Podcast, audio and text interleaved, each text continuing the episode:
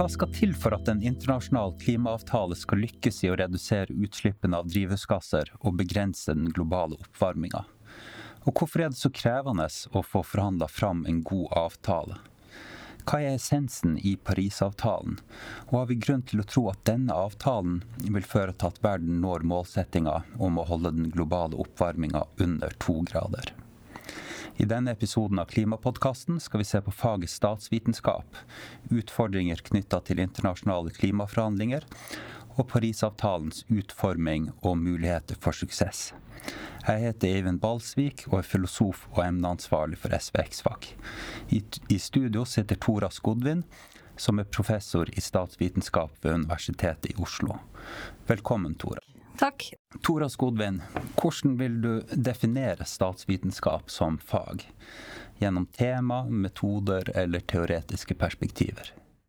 Um, altså, Hvordan man definerer statsvitenskap, det er jo et veldig stort spørsmål. Og det er jo noe man skriver langbøker om og holder lange forelesninger om, for ikke å snakke om forelesningsrekker. Uh, så, så det, er, det, er, et stort spørsmål. Men uh, jeg tror kanskje at det, det, er jo riktig å si at det på en måte er et tematisk definert fag. Da, fordi det er veldig vanlig at man definerer statsvitenskap som et det vitenskapelige studiet av politikk. Så det er på en måte politikk som er tema for statsvitenskap. Det er det vi studerer. Men politikk er jo også et veldig stort fenomen, for å si det sånn. Mangfoldig og stort. Så, ehm, så jeg kan jo si litt om eh, politikk. Og det er, eh, altså politikk forstås ofte som Eh, ja, fordeling av goder og byrder i et samfunn. Hvordan man fordeler goder og byrder. Og det handler jo ofte om makt. Og makt er jo et viktig begrep i statsvitenskap. Eh, men det handler også om styring. Hvordan man styrer samfunnet, og hvordan ulike typer av styringssystemer, og hvordan det påvirker på måte individene i samfunnet. Um, så det vi driver med på statsvitenskap, det er på en måte å studere dette vitenskapelig. Og det er jo ikke sant, Politikk foregår jo egentlig overalt. Altså Vi studerer jo politikk fra lokalt til regionalt nivå, til nasjonalt nivå, til internasjonalt nivå. Alle steder foregår det på en måte politikk, da. Um, ja. Og så er det kanskje fint å si litt altså, Det er jo et empirisk fag.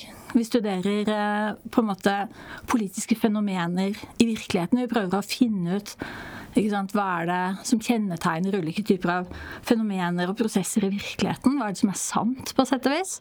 Eh, så vi prøver liksom å finne ut hva er det som forårsaker Det er ofte sånn årsak-virkning-sammenhenger. Hva er det som forårsaker ulike typer av utfall eller hendelser eller konflikter. Konflikter er jo et veldig viktig tema også innenfor statsvitenskap. Alle disse nivåene som vi snakker om, så foregår det jo konflikter, eller det kan komme i stand samarbeid, konflikter løses, eller de vedvarer, eller samarbeid kommer i stand eller ikke, og, og den type ting. Og alt det studeres empirisk uh, veldig ofte. Men det er veldig viktig at vi også, altså statsvitenskap, også et fag som på en måte studerer politikk normativt. Eh, og det betyr på en måte hvordan bør vi, altså ikke bare hvordan håndterer vi ulike typer av utfordringer som er av politisk karakter, men hvordan bør vi håndtere dem? Hva er det som er på en måte rettferdig, eller hva slags type prinsipper er det man skal legge til grunn for å bestemme hvordan man skal fordele f.eks. For ting. Og det er jo en ting som er veldig relevant akkurat nå, da, eh, med denne pågående diskusjonen om hvordan man skal fordele vaksiner. Det er jo helt klart at vaksiner i dag er jo en knapp ressurs. Alle vil ha vaksiner, og vi har ikke nok. Så hvem er det som skal få de vaksinene vi har? Eh, skal de fordeles rettferdig? ikke sant? At eh, alle deler av landet får akkurat like mange vaksiner i forhold til innbyggertall, eller i forhold til hvor mange personer de har i utsatte grupper, eller i forhold til hvor mange personer de har i bestemte aldersgrupper. ikke sant? Sånne ting. Eller skal vi fordele dem på en sånn måte som gjør at de har størst effekt. At de reduserer f.eks. Eh, sykdom og død nasjonalt, totalt sett. Som kan gjøre at det kanskje er en person et sted i landet, i et, eh, et eh, ikke-sentralt strøk f.eks., som, som kanskje dør som ikke ville dødd hvis vi hadde fordelt dem etter en sånn lik fordeling. Men samtidig at vi kanskje redder hva si, tre personer da, i et tettbygd strøk hvor smitten er større, og, og, og, at dødsfallene sånn sett på en måte eh, totalt sett blir lavere. Alt det der er helt sånn typiske eh, spørsmål som også studeres innenfor statsvitenskap. Så, så det er jo et mangfoldig fag. og jeg vil si at Det er mangfoldig også i hva slags type hva si, vitenskapelig tilnærming vi har. Vi jobber med både kvantitative og kvalitative data, og vi jobber med mange ulike typer av analyser. F.eks. statistiske analyser eller surveyundersøkelser. Eller vi jobber med case-studier eller eksempelstudier. Eller vi jobber med komparative hvor vi sammenligner med kanskje sant, et lite utvalg og, og, litt større utvalg. Og vi har eh, noen jobber med eksperimenttype undersøkelser. og, og vi har også modellbaserte analyser. Så, så, det er et veldig mangfoldig fag, men alt handler om politikk. ikke sant? Og alt handler om på en måte det vitenskapelige studiet av eh, politikk. La oss eh, så gå over til å se på internasjonale klimaforhandlinger. Eh, du har eh, studert hva som skal til for at en internasjonal klimaavtale skal være effektiv, og også sett på hvorfor det er så krevende å få forhandla fram slike avtaler. Ja, det har jeg studert. Eh, og det er jo Altså, Situasjonen er jo den at klimaprogrammet har vært på den internasjonale dagsordenen faktisk i 30 år. Eh, og jeg tror ikke vi ennå kan si at vi har kommet fram til en avtale som er effektiv i den forstand at vi nærmer oss en løsning på et menneskeskapt klimaproblem. Eh, så, så, så, det er et veldig viktig spørsmål, syns jeg. Hvorfor er det så vanskelig å finne løsninger på dette problemet? Og da tror jeg vi må liksom starte med eh, på en måte den insentivstrukturen da, som kjennetegner klimaproblemet. Og det er sånn at hvis vi tenker at motvirkning av klimaproblemet, altså at vi gjør ting for at klimaproblemet ikke skjer, altså at vi ikke får menneskeskapte klimaendringer Motvirkning av klimaproblemet, eh, det ligner et globalt kollektivt gode.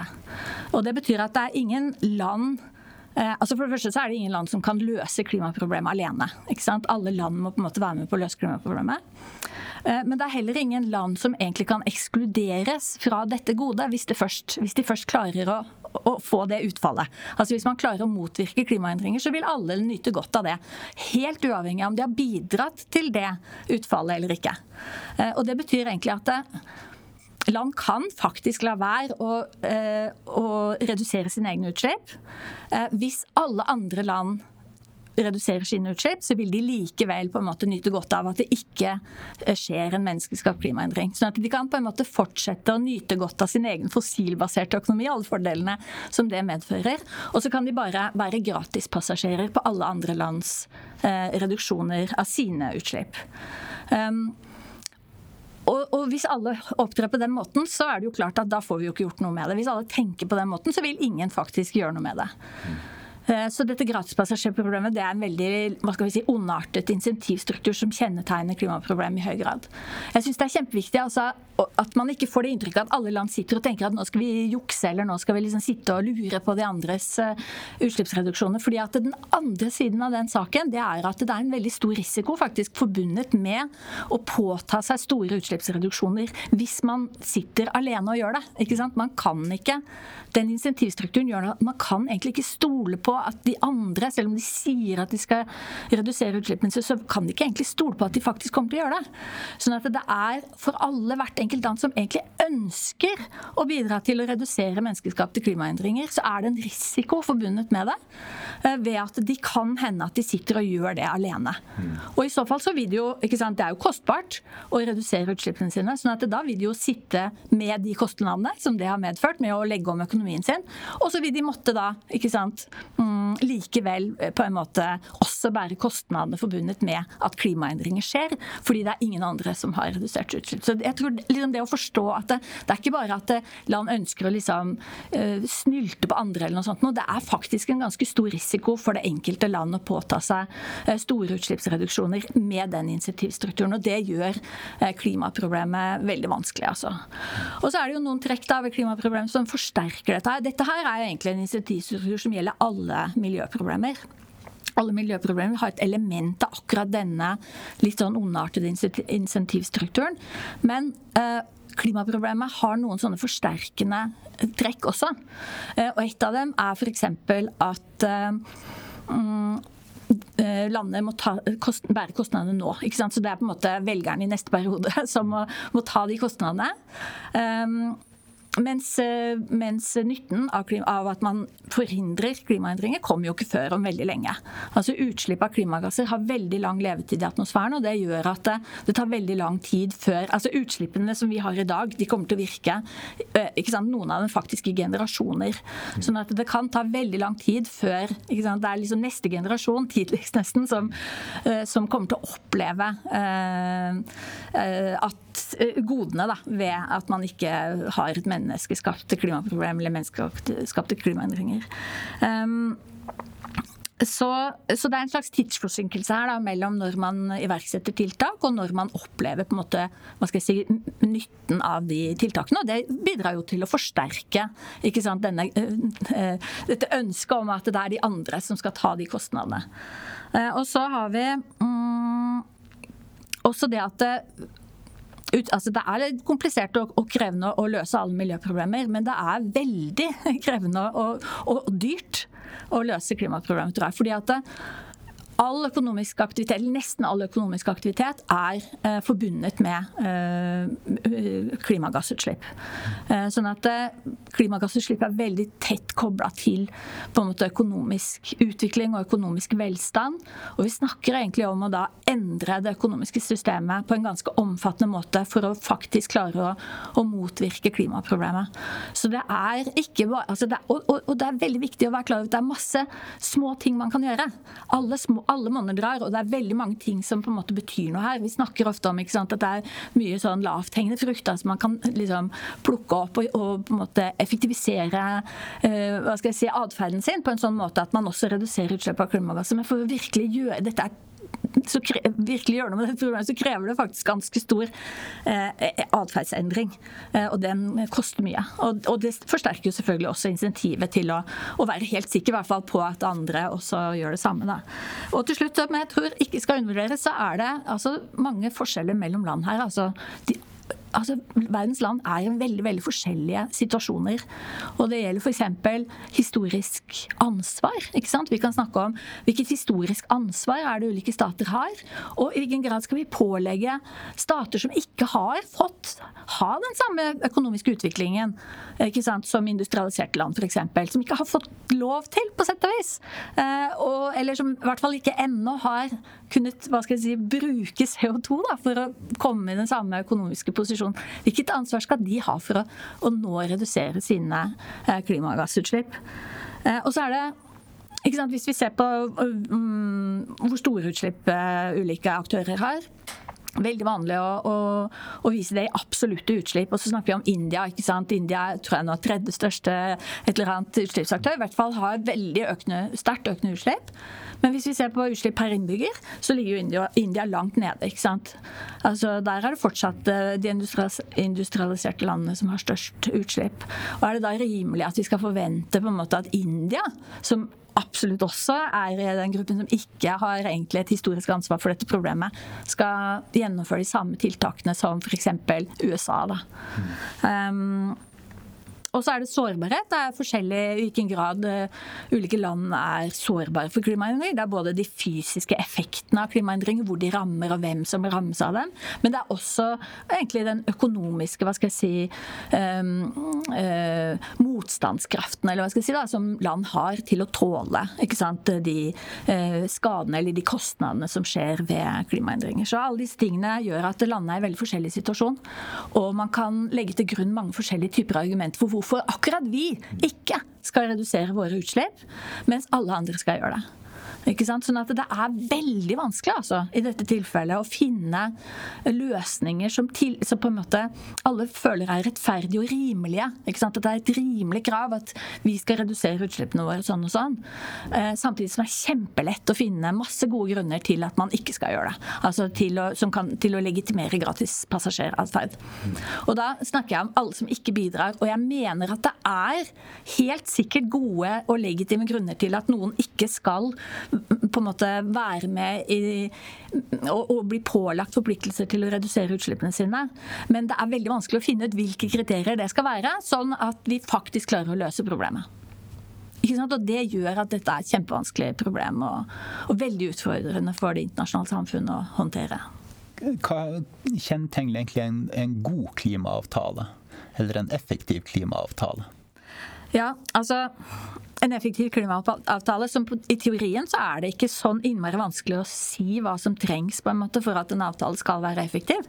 Det er at de må ha skikkelige utslippsreduksjoner. Det må være dype utslippskutt. Altså man må redusere utslippene sine på en betydelig måte. Um, og i betydelig grad. Og så må det være bred og stabil deltakelse. Altså det må være um, De aktørene som har utslipp, de må være med i avtalen. Og når det gjelder klimaavtaler, eller klimaproblemet, så er faktisk utslippsprofilen, hvis vi kan si det, eh, sånn at det er ikke sånn innmari mange, egentlig, eh, som har de største utslippene. Jeg tror at vi er Altså Hvis vi sier at de 20 største, altså, eh, altså 20 største utslippsaktørene tror jeg står for rundt 80% rett og slett av, av utslippene. sånn at det er, ikke, det er ikke sånn at det er nødvendigvis veldig mange som må være med her, men de som har de største utslippene, de må være med. Og de må forbli med. De må være med i starten, og de må ikke melde seg ut.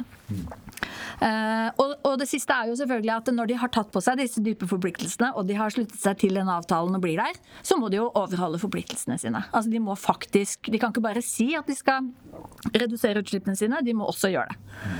Um, så det er egentlig på en måte de tre hovedbetingelsene som må tilfredsstilles da, for å ha en effektiv avtale. Og så vi jo, har vi jo denne situasjonen da at eh, landene på en måte stoler ikke på hverandre. Og, og det er også etter at de har inngått en avtale. Ikke sant? Altså, det å inngå en avtale mm, det, det, trenger ikke å, å, bety at de faktisk gjennomfører det de sier at de skal. Så, så uavhengig av om man har en avtale eller ikke som har disse kjennetegnene, så, så, kreves det noe som gjør at de kan stole på hverandre. Uh, og det er uh, altså at man har håndhevingsmekanismer.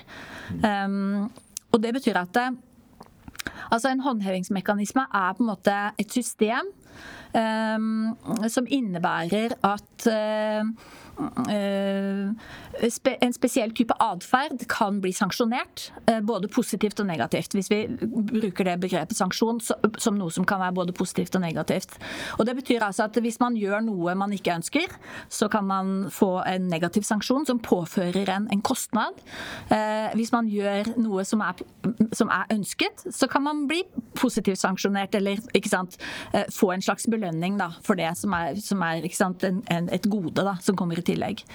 Eh, og For at en internasjonal klimaavtale skal være effektiv, så må man ha rett og slett eh, et håndhevingssystem for alle de tre betingelsene som, som, kjennetegner en effektiv avtale. Så Man må skape insentiver gjennom et sånt eh, håndhevingssystem eh, for at parter ratifiserer med dype utslippsforpliktelser. Og så må man skal gi insentiver til at partene avstår fra å trekke seg fra denne avtalen etter at den er inngått. Og så må vi også sørge for at de har insentiver til å overholde disse forpliktelsene. Og det betyr rett og slett slett at hvis man, hvis, man, ikke deltar, eller hvis man på en måte deltar med med ikke-dype utslippskutt, så, så, blir man pålagt en eller annen eh, negativ sanksjon som påfører en en kostnad.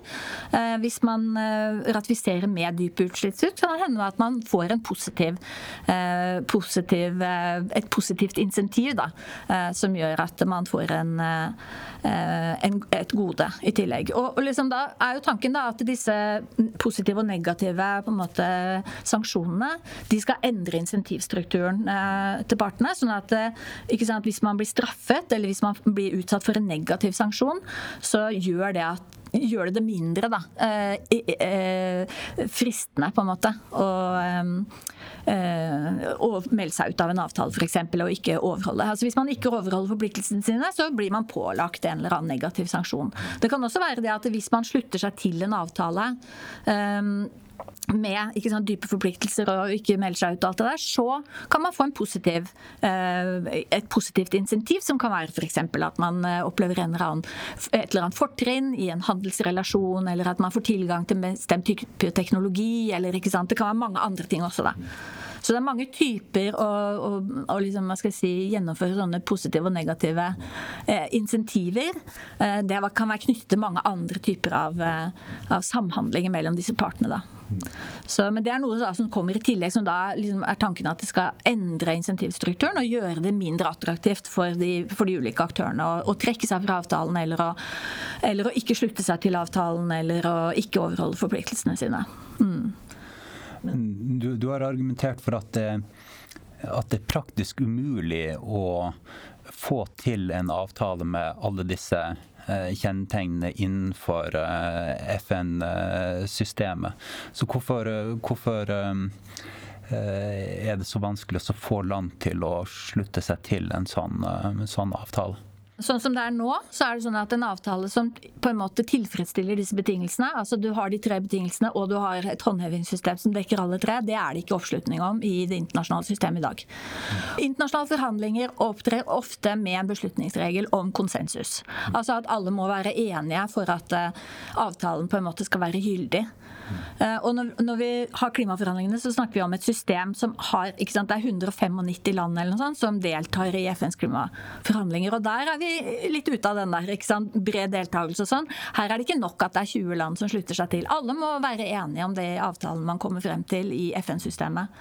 Um, og uh, altså, jeg syns også det er viktig å, å, minne oss selv på da, at et håndhevingssystem uh, hvor man liksom Eh, bruker eh, positive og negative insentiver eh, til å sikre opp overholdelse av avtaler og at man slutter seg til avtaler og sånn. Det har også en kostnad for de som skal gjøre det.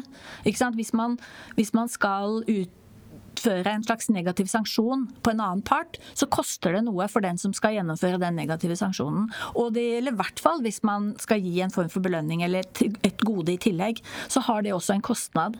Så det er det ene. at Det, koster litt å, å, ha et sånt uh, håndhevingssystem, også for de som på en måte oppfyller sine forpliktelser. Uh, og det andre er at uh, sant, hvis man tenker seg at en part kanskje ikke er helt 100% sikker på at de vil gå inn i et At de vil klare, rett og slett slett. ikke sant? Å gjennomføre dype utslippskutt, f.eks. Um, så skulle de da ikke sant, sitte her da, og forhandle om å straffe seg selv, på en måte. Det, det vil de jo ikke gjøre. ikke sant? Uh, og da kommer vi jo til en situasjon hvor det er noen som ikke vil slutte seg til ikke sant, denne, uh, denne avtalen. Og da, hvis de er en del av hele dette forhandlingsapparatet, så får vi jo ikke en sånn avtale på plass. Sånn at det er en veldig stor utfordring, rett og slett. At uh, FN-systemet på en måte Altså, eller dette er en type avtale som det rett og slett nå ikke fins eh, konsensus om blant eh, disse landene som, eh, som, forhandler. Hvis du på en måte eh, sikrer en avtale med gode håndhevingsmekanismer, så får du ikke land til å slutte seg til avtalen, eller så eh, risikerer du at de vil trekke seg fra avtalen før eh, avtaleperioden er over. Så det er på en måte det er umulig å få til alle tre gode ting sammen det samtidig. Nettopp, det er nettopp det. det er nettopp det altså, ikke sant? Og det som vil skje hvis du har en som er usikker på om klarer å, å oppfylle ikke sant, dype utslippskutt, da, så er det en person som vil, eller en aktør må vi jo si, da, som, vil, eller som ikke vil gå med på noe, på noe håndhevingssystem. Mm. Uh, og, og, hvis man ikke har et håndhevingssystem, så, vil ikke den person, vil, så kan det hende at den aktøren slutter seg til avtalen, men, ikke, men uten en reell intensjon om å oppfylle de forpliktelsene. Mm. Sånn at det, det der er et veldig komplisert eh, Det er en veldig komplisert relasjon på en måte mellom de tingene. Mm. La oss uh, se på denne Paris-avtalen. Um, så den uh, har jo ingen uh, sånn insentivbasert håndhevingsmekanismer. Eh, men så er fordelen at eh, de fleste land har eh, ratifisert avtalen, og at vi kan være trygge på at, at vi vil ha en stabil deltakelse. Men, men, hva er det som på en måte kjennetegner Parisavtalen i forhold til innhold og, og, og forpliktelser? På en måte så kan vi kanskje se på Parisavtalen eh, litt sånn sammenlignet med den første klimaavtalen vi hadde, som var Kyoto-protokollen. Mm. Fordi at de følger to litt ulike prinsipper. Så i Kyoto-protokollen så forsøkte man å forhandle fram enighet om utslippsreduksjoner som skulle bringe en hva skal jeg si, et skritt nærmere da, å kunne motvirke menneskeskapte klimaendringer. Det var ikke veldig ambisiøst i den første protokollen, men tanken var liksom at man skulle starte der, og så skulle man komme inn i en god bevegelse og få en slags sånn forsterkingsdynamikk da, som gjorde at man hele tiden økte ambisjonsnivået i utslippsreduksjonene. Um, og dette er en slags det kalles eh, på en måte innenfor litteraturen en slags top down eller ovenfra og ned-type avtale. Man sitter og så snakker man om det aggregerte på en måte utslippsmålet som man sikter mot i avtalen.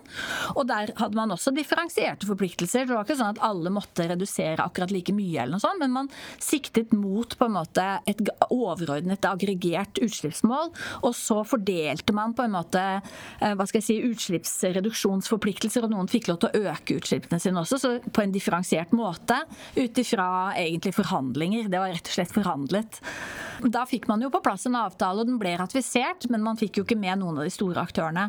Så den var jo ikke effektiv, og spesielt USA var helt klart sant, på at de ikke kunne slutte seg til denne avtalen. og og, eh, og, at de aldri kom til å gjøre det og sånn. Sånn at det ble etter hvert tvang seg fram eh, en situasjon hvor man rett og slett måtte finne en annen måte å gjøre det på. Da, og det, da var det Parisavtalen som på en måte ble resultatet. Og der har man en annen tilnærmingsmåte. fordi der aksepterer man på en måte at disse landene som skal redusere utslippene sine, de, har, de, er veldig, de, er en veldig, ulik situasjon, og de har ulike energisystemer og de har ulik på en måte energiøkonomi. Og, og, og, det er også ulikt kanskje hva man kan gjøre og ikke kan gjøre sånn eh, innen hvert land sånn, hva, som på en måte tillates holdt jeg på å si, av, av f.eks. nasjonalforsamling eller velgere eller hva det måtte være. Da.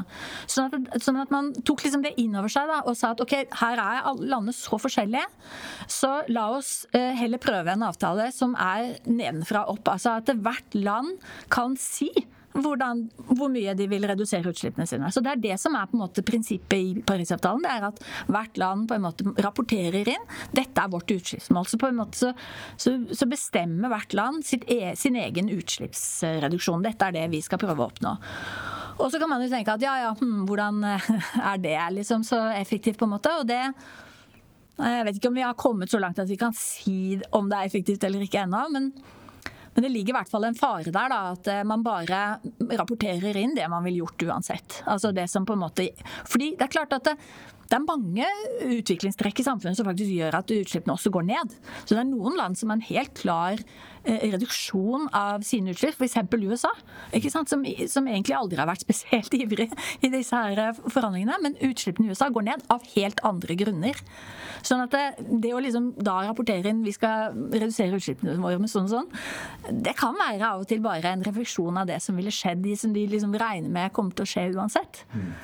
Så, um, så, hvordan skulle man håndtere det? Ja, så Det de gjorde da i Kyoto-protokollen, nei, i Parisavtalen, det er viktig, dette er Parisavtalen, det var at de prøver å ha en slags, slags gjennomgang da, hvert femte år. Eh, hvor man går igjennom alle de ulike aktørenes eh, målsettinger eller sånn forpliktelser, eller hva jeg skal kalle det, utslippsmål, da, som de har eh, rapportert inn. Og så er tanken da at man skal forsterke dem. Ikke sant? Så de prøver å få til en prosess da, hvor for det første at det er i stor grad av gjennomsiktighet, at alle vet liksom alle andres mål. Mm at de har god monitorering, altså overvåkning av om de oppfyller disse målene eller ikke, og at alle vet om man oppfyller målene sine eller ikke. Eh, og at man da eh, på en måte skal få et slags insentiv gjennom denne litt sånn kollektivprosessen der, da, eh, til å forsterke målsettingene sine. Det ligger liksom inni avtalene. At man skal liksom prøve å, å få en slags sånn eh, prosess hvor disse målene gradvis på en måte forsterkes og ambisjonsnivået blir høyere og sånn underveis. da. Så det er en tanke om at eh, land, dersom de kan se at eh, andre land også bidrar med sitt, så blir de mer motivert til eh, selv å, å, å bidra. At du kan få en sånn positiv eh, spiral i, i samarbeid om å, å kutte utslippene med at man rapporterer sine intensjoner og sier hva man har fått til, og at det blir på en måte internasjonal oppmerksomhet eh, rundt dette. Ja, absolutt. altså. Og, at, eh, og, det tror jeg er veldig viktig det du sier der, at sant, man kan se at andre faktisk oppfyller målene sine. Og man kan kanskje også litt da, eh, se at det er ikke business as usual de driver på med. Det er noe som er reelt. Altså et, et, tiltak som faktisk bidrar til at de får lavere utslipp enn de ville hatt uten den avtalen, på en måte. Så, så det, er liksom, det, er liksom, ideen da, i Parisavtalen. Så du har karakterisert den Parisavtalen som en normbasert avtale, i motsetning til, til en insentivbasert avtale.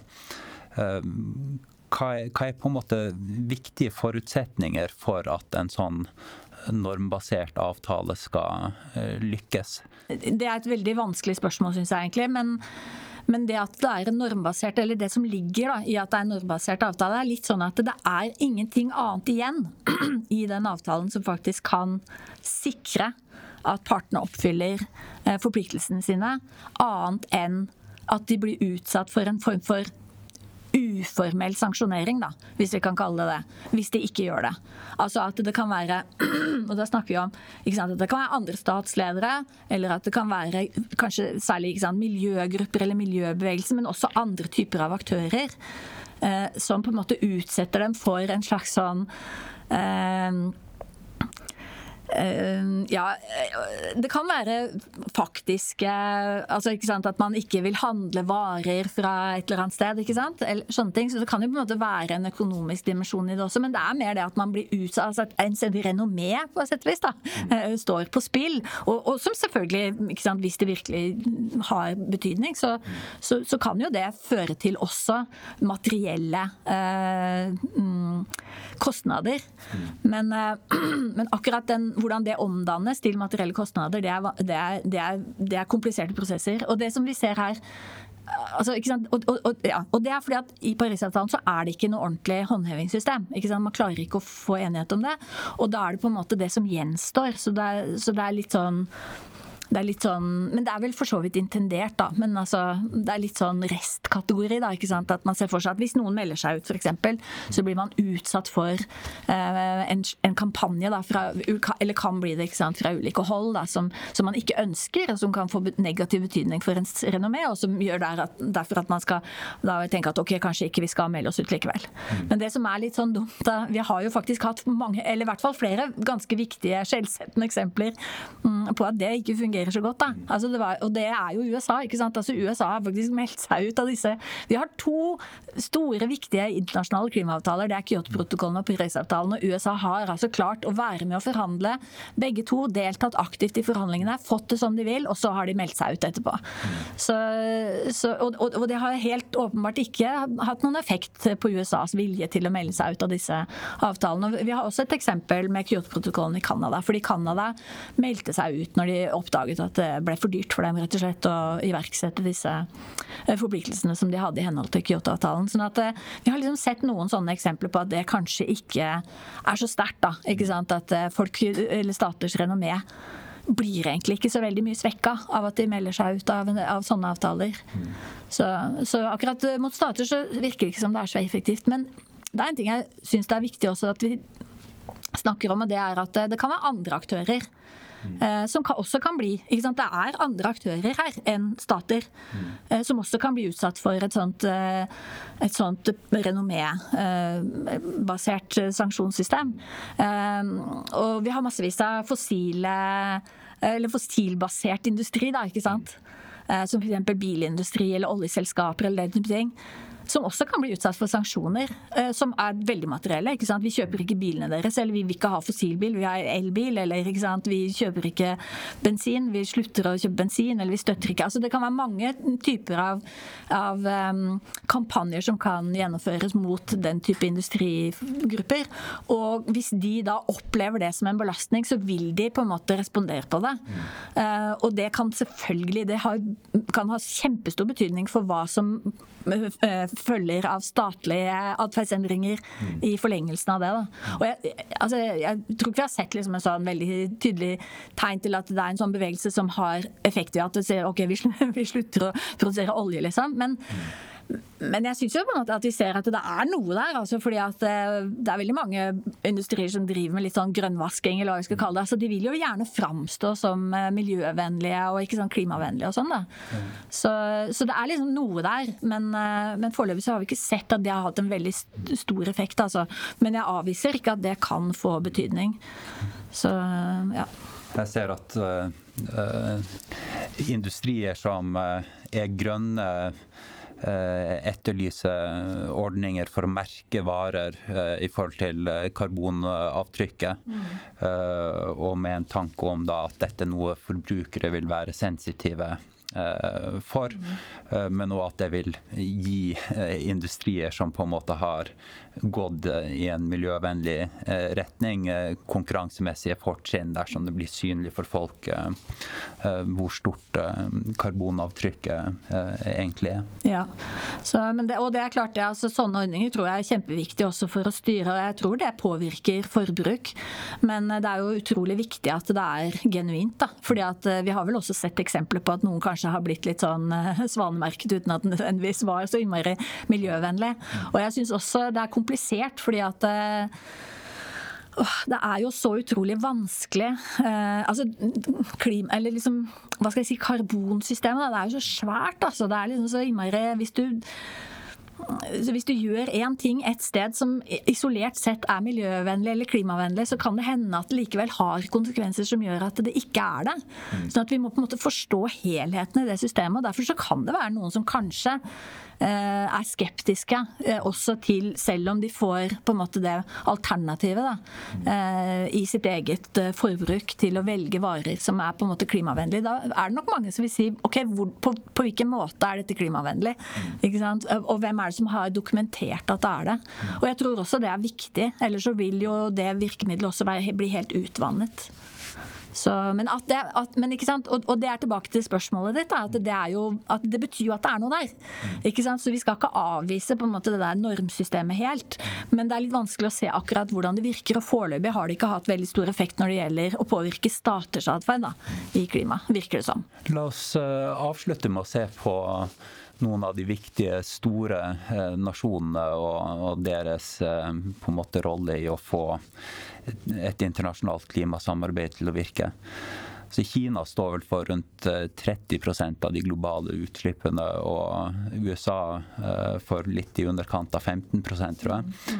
Um, så du understreker at, eh, at uh, hva de uh, gjør er veldig viktig i forhold til om uh, Parisavtalen vil lykkes i å nå målsettinga om å virkelig begrense den globale oppvarminga. Ja. Hvorfor er nøkkelland så viktig?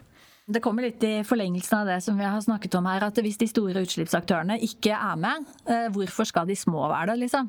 Altså Hvis man ser at eh, to aktører som dekker over 40% av de globale utslippene, ikke er med i avtalen, så tror jeg at eh, de andre aktørene med rette kan stille spørsmålstegn ved hvor effektiv en sånn avtale vil være, selv om alle de andre bidrar på sett og vis. da. Så, så, så, bare der alene har vi jo på en måte eh, egentlig et svar da, sant, på hvorfor de er så utrolig viktige. Men det er jo klart det at disse med store, så store utslipp, altså de altså, ikke sant, Motsatt. da, hvis, hvis, begge de to aktørene her er med, da, så er det nesten som en garanti. ikke sant? Hvis, vi, hvis, de er med på en måte som vi tror på, og hvor vi tror at de faktisk vil oppfylle forpliktelser, at de påtar seg eh, forpliktelser, og at de faktisk vil gjøre det, um, så har vi jo plutselig på en måte tiltak da, i land som dekker over 40% av utslippene. Altså, Da er vi allerede tatt et langt skritt i retning av mye mer effektiv klimapolitikk. Og Da vil jo insentivene til de andre endres.